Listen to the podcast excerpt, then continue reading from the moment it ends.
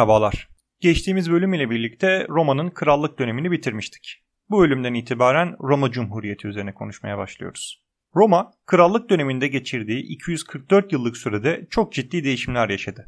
Başlangıçtaki çobanlar, dışlanmışlar, kaçak köleler, maceracılardan ve envai çeşit serseriden oluşan nüfus zamanla ticareti ve yerleşik tarımı öğrenmiş, elinde sopa ile yağmaya gitmeye alışık bir yağmacı gruptan işleyen bir hukuk sistemine, askeri disipline sahip bir silahlı güce dönüşmüş, Küçük Roma köyü bölgesel bir merkez haline gelmişti.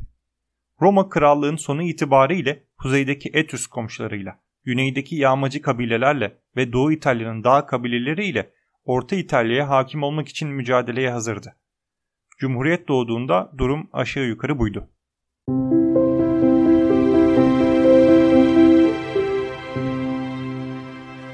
Cumhuriyetin kuruluş tarihi için M.Ö. 509 yılı genel olarak kabul edilse de herkes bu tarihin şüpheli bir tarih olduğu konusunda hemfikirdir. M.Ö. 389 yılında Galyalılar Roma şehrini yağmaladıklarında yağma öncesindeki kayıtlarda maalesef yok olmuştur. Dolayısıyla yağma sonrasında yağmadan önceki Roma tarihi yağma sonrası dönemin Romalı tarihçileri tarafından elbette ki Romalıların çıkarları ve hayalleri doğrultusunda tekrardan yazılmıştır. Yani Galyalıların Roma'yı yağmalamasından önceye ilişkin anlattığımız her şey biraz değiştirilmiş, yarı efsane, yarı gerçek bir tarihtir. Bu durumda her konuda ilk ve en iyi olmakla ilgili takıntıları bulunan Romalıların Cumhuriyet'in kuruluşunu biraz geriye çekerek M.Ö. 508 yılında tiranlarını devirip demokrasiye geçen Atina'nın önüne geçmek istediklerini düşünmek, bu nedenle de M.Ö. 509 yılını Roma için Cumhuriyet'in ilanı ve demokrasiye geçiş yılı olarak belirlediklerini ve ilk olma şerefine böylece nail olduklarını varsaymak çok da hatalı olmayacaktır kanımca. Tabi elimizde başka da bir kaynak olmadığı için bu tarihi doğru kabul ediyoruz. Cumhuriyet kurulduğunda Roma'nın nüfusunun 130 bin kişi civarında olduğu tahmin ediliyor. Bu nüfus patriciler ve plebler olmak üzere iki ana gruba bölünmüştü.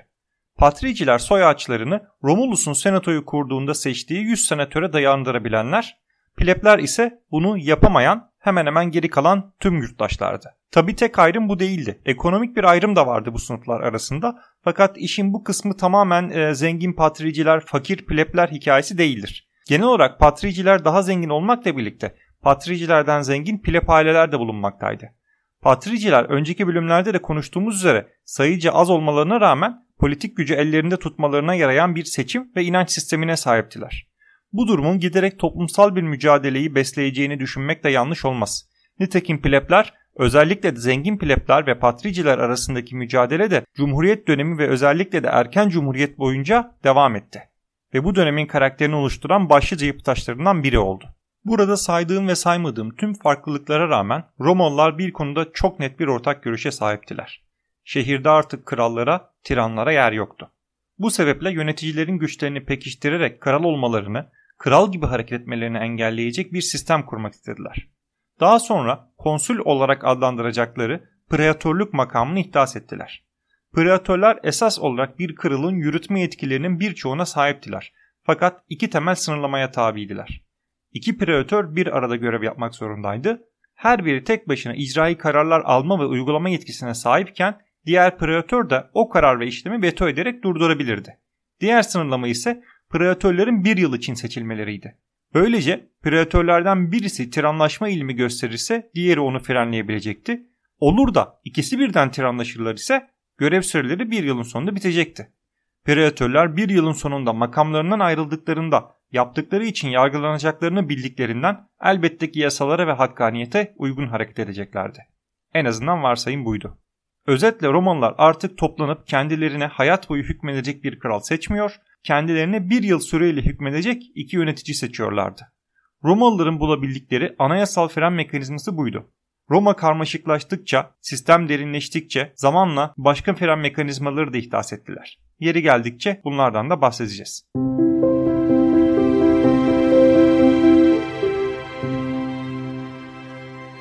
Seçilen ilk preatör yani konsül ikilisi Lucius Junius Brutus ve Lucius Tarquinius Collatinus idi. Junius Brutus krala karşı ayaklanmayı başlatan, Collatinus ise karısına kralın oğlu Sextus tarafından tecavüz edilen kişiydi.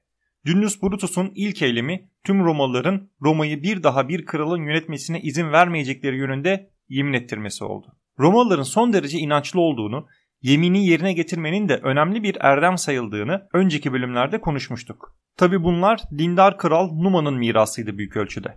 Romalılar bu yeminlerini yüzyıllar boyunca tuttular. En bilirdik örneği de tahmin edeceğiniz üzere Gaius Julius Caesar suikastidir. Dinleyiciler hatırlatırsa ya da ben hatırlarsam kronolojik sıradan sapalım ve Idus Martiae yani 15 Mart'ta bir bölüm yapalım Gaius Julius Caesar suikastı için. Diğer konsül Collatinus bir yandan da devrilen kralın akrabasıydı. Zaten ismini Lucius Tarquinius Collatinus olarak aktarmıştı. Romalılar her ne kadar Collatinus'u konsül seçmişlerse de bir grupta kendisinden şüpheleniyordu ve bu şüpheyi de yaymayı başardılar. Romalılar Tarquinlerin tekrar gücü ele geçirmesinden korkuyorlardı. Halbuki Collatinus krala karşı devrimi başlatan ve kuzenleriyle bağını kopardığını ilan etmiş biriydi. Collatinus yine de bu korku üzerine kimse ondan talep etmemişken Cumhuriyet'in istikrarı için bir fedakarlık örneği vererek istifa etti. Esasen Brutus da Collatinus gibi anne tarafından Tarquinler ile akrabaydı fakat Roma'da soyun devamı sadece erkek tarafından takip edildiği için muhtemelen bu akrabalık çok önemli görülmedi. Collatinus yerine devrimin diğer liderlerinden olan Publius Valerius seçildi. Publius Valerius görevdeki icraatları ile halkın dostu Publicola ünvanını kazanacaktı. Çıkardığı çok ünlü ve önemli iki yasaya birazdan değineceğim. Cumhuriyet kurulduğunda her şey güllük gülistanlık değildi. Cumhuriyetin yüzleştiği ilk tehdit bütün devrimlerin karşılaştığı karşı devrim tehlikesiydi.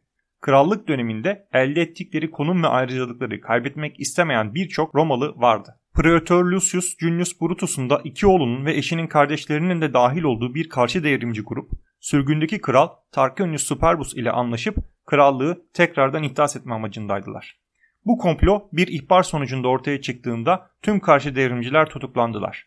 Brutus oğullarının da komploya dahil olduğunu öğrendiğinde hem bir konsül hem bir devrimci hem de bir baba olarak çok zor duruma düşmüş olmalı. Fakat delillerin ağırlığı karşısında onların da suçlu olduğu sabitti. İhanetin cezası oldukça sertti. Brutus da oğullarını kurtarmak için hiçbir şey yapmadı. Komplocular bir direğe bağlanıp yakıldı ve sonrasında da kafaları kesildi.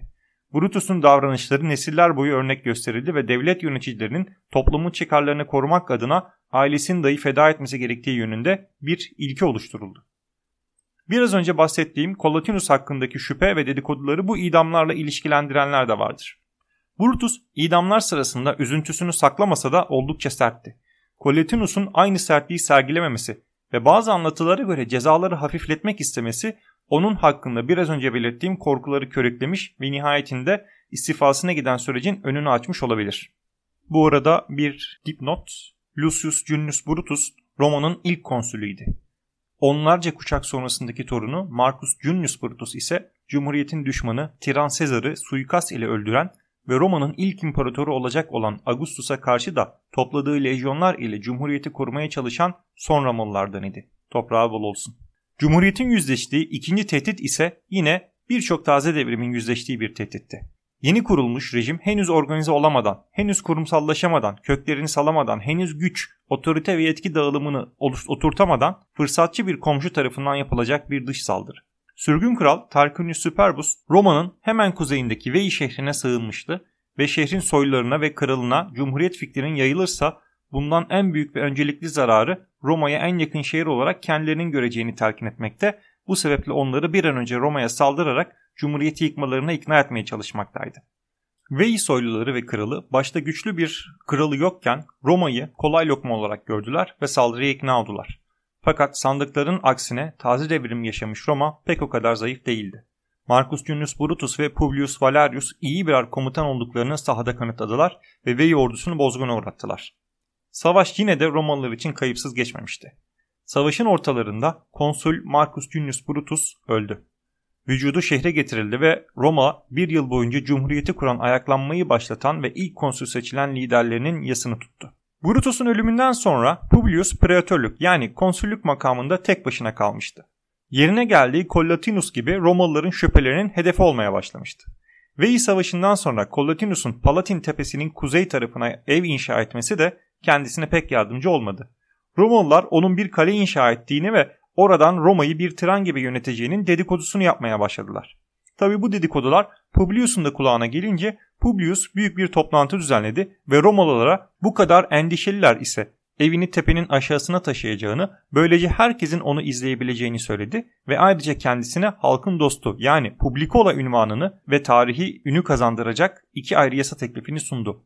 Roma'nın ve tüm Batı medeniyetinin kaderini ve karakterini derinden etkileyecek bu yasalardan ilki, kendisini kral ilan etmek isteyenler herhangi bir yerde, herhangi bir zamanda, herhangi bir kişi tarafından öldürülebilir ve öldürülenler bu yüzden ceza almaz. Diğer yasa ise devlet görevlilerinin kararlarına karşı meclis ve mahkemelere başvuru yapılabilir. Birinci yasa tarih boyunca birçok ülkede diktatörlere karşı ayaklanmayı meşrulaştırmış, ikinci yasa ise bugün artık modern devletin özü olarak kabul edilen kuvvetler ayrılığının yani yasama, yürütme ve yargı erklerinin ayrılığının ve birbirlerini denetlemesinin nüvesini oluşturmuştur. Publius bu teklifini yasalaştırdıktan sonra da boşalan preatörlük makamı için seçime gitti ve Spurius Lucretius Tricipitunus seçildi. Fakat Tricipitunus'un ilerleyen yaşı nedeniyle birkaç gün sonra ölümü onun yerine de Marcus Horatius Publius'un seçimine neden oldu. Cumhuriyetin ilk yılı böylece geçmiş, istikrar sağlanmış, denetleyici kurallar getirilmiş, ilk krizler atlatılmış, modern medeniyetin temeli atılmıştı. Bir sonraki yayında görüşmek üzere.